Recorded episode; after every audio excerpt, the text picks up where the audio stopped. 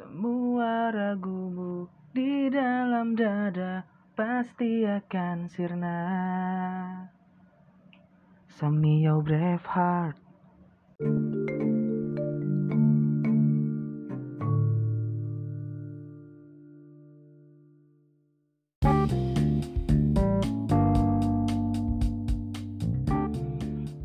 Halo guys, assalamualaikum warahmatullahi wabarakatuh. Salam kenal, halo, ketemu lagi semuanya sama gue Harry di podcast Story. Podcast ini akan menceritakan sebuah kisah atau cerita dengan sedikit dramatisasi. Ceritanya bisa dari gue sendiri ataupun dari kalian.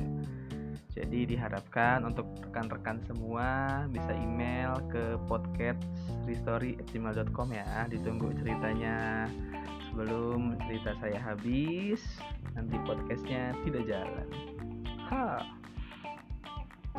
Ceritanya bebas boleh pengalaman serem atau pengalaman tentang pertemanan kalian tentang percintaan kalian perjumpaan kalian dengan hantu atau teman-teman kalian yang memang kayak setan ya bisa diceritain di sini semuanya Nanti emailnya bakal ditulis di deskripsi podcast ini.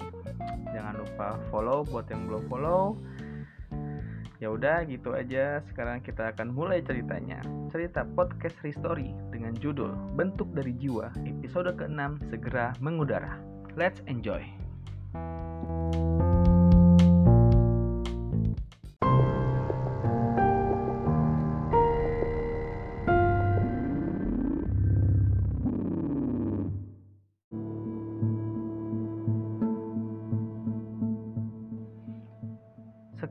Soal cerita sebelumnya.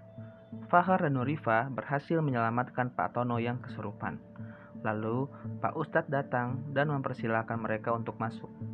Di dalam rumah ada pembicaraan soal Indra antar Nurifa dan Pak Ustadz.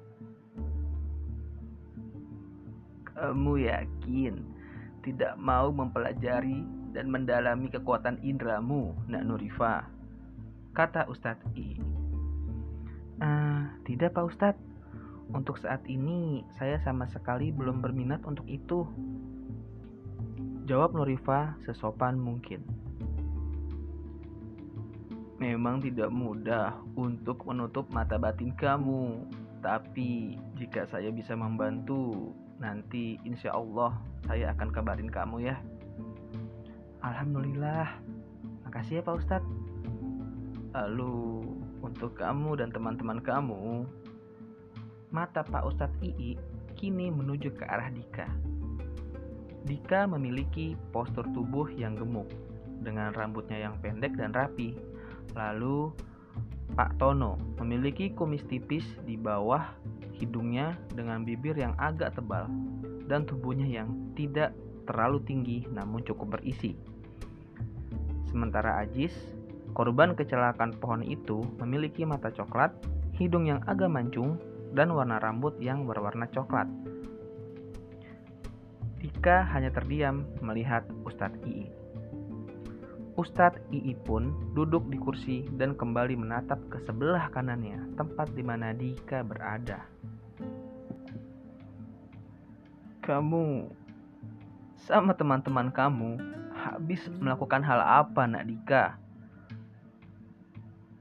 Kenapa Korin anak kecil itu begitu marah pada kalian? Dika hanya tertunduk. Dia tidak menjawab pertanyaan Ustadz Ii. Kalian beruntung. Ada anak Nurifa pada saat itu. Sehingga dia bisa membantu.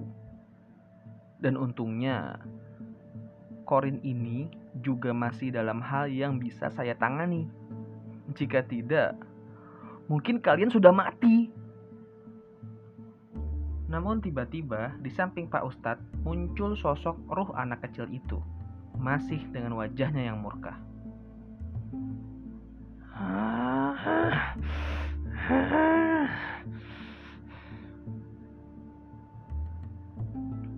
Dan Nurifah, Nak Fahar, kalian mau coba lihat?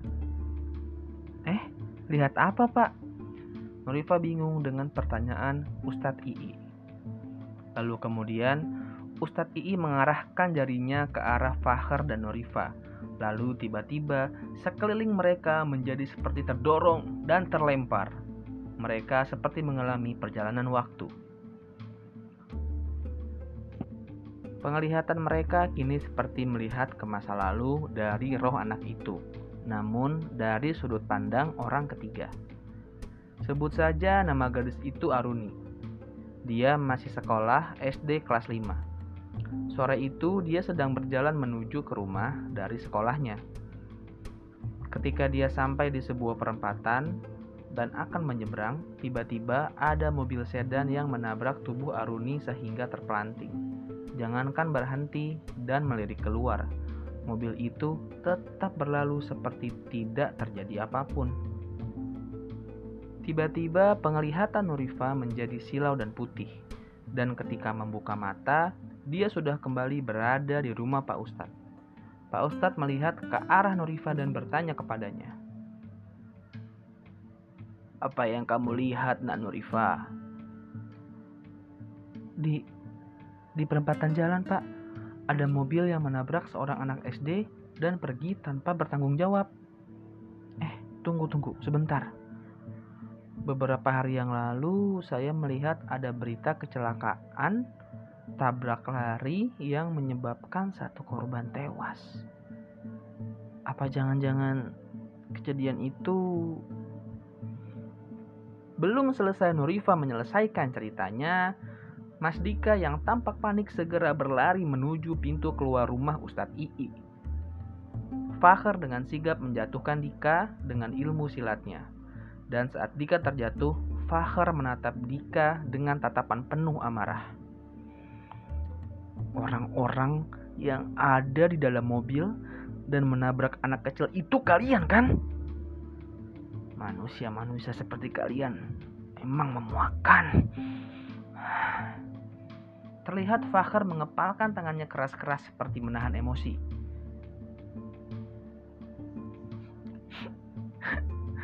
Gara-gara aku meninggal, aku jadi menyusahkan orang tuaku.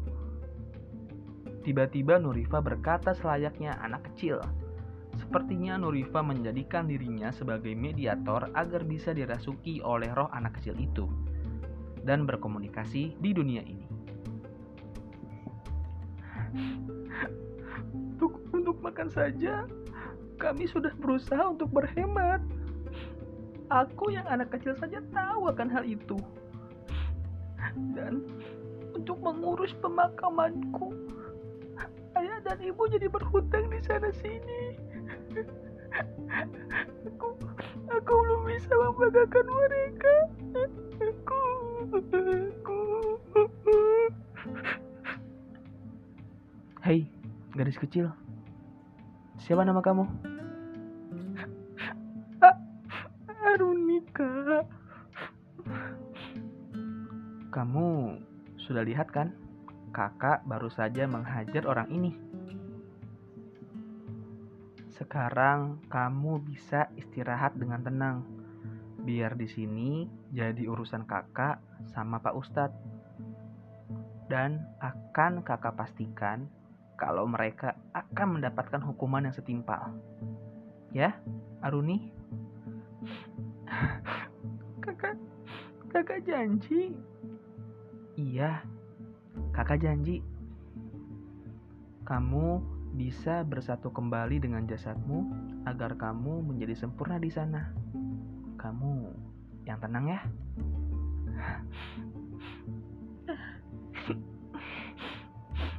Iya kak. Makasih ya kak. Oh iya. Nama kakak siapa? Nama kakak Fahar. Makasih ya Kak Fakir.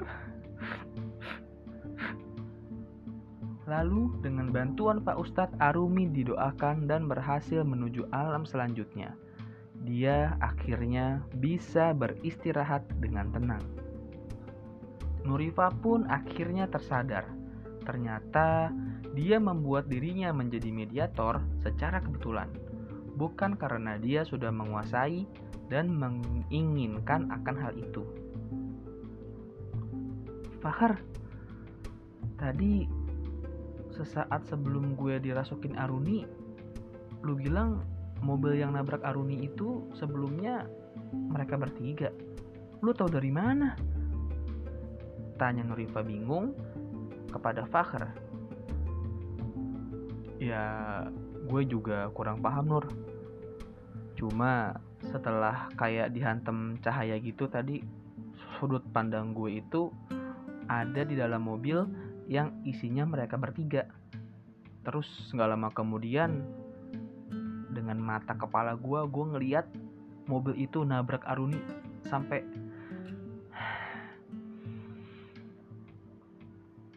hmm, bisa saja hal seperti itu terjadi.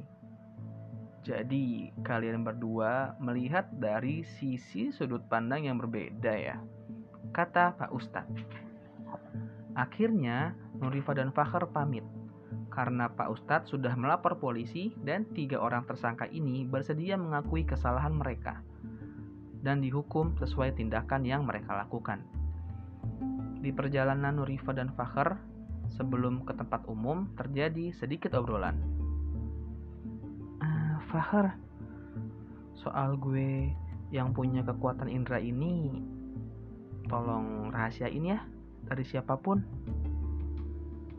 Oh termasuk dari dua temen lo itu. Hmm, karma sama Laika maksudnya. Kalau mereka sih pengecualian. Tolong ya Fahar. Jaga rahasia ini kata Norifa yang sedikit merajuk pada Fahar. Eh, dasar aneh.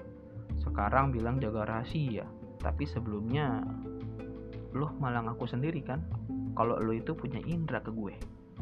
Hehehe, sorry sorry. Soal itu kayaknya gue salah paham. Gue kira lo juga sama kayak gue. Sama-sama pemilik indera. Makanya tanpa sadar gue jadi iya iya gue ngerti. Ya udah gue cabut dulu. Sampai besok ya. Nur. Ih Nar Nur Nar Nur. Nurifah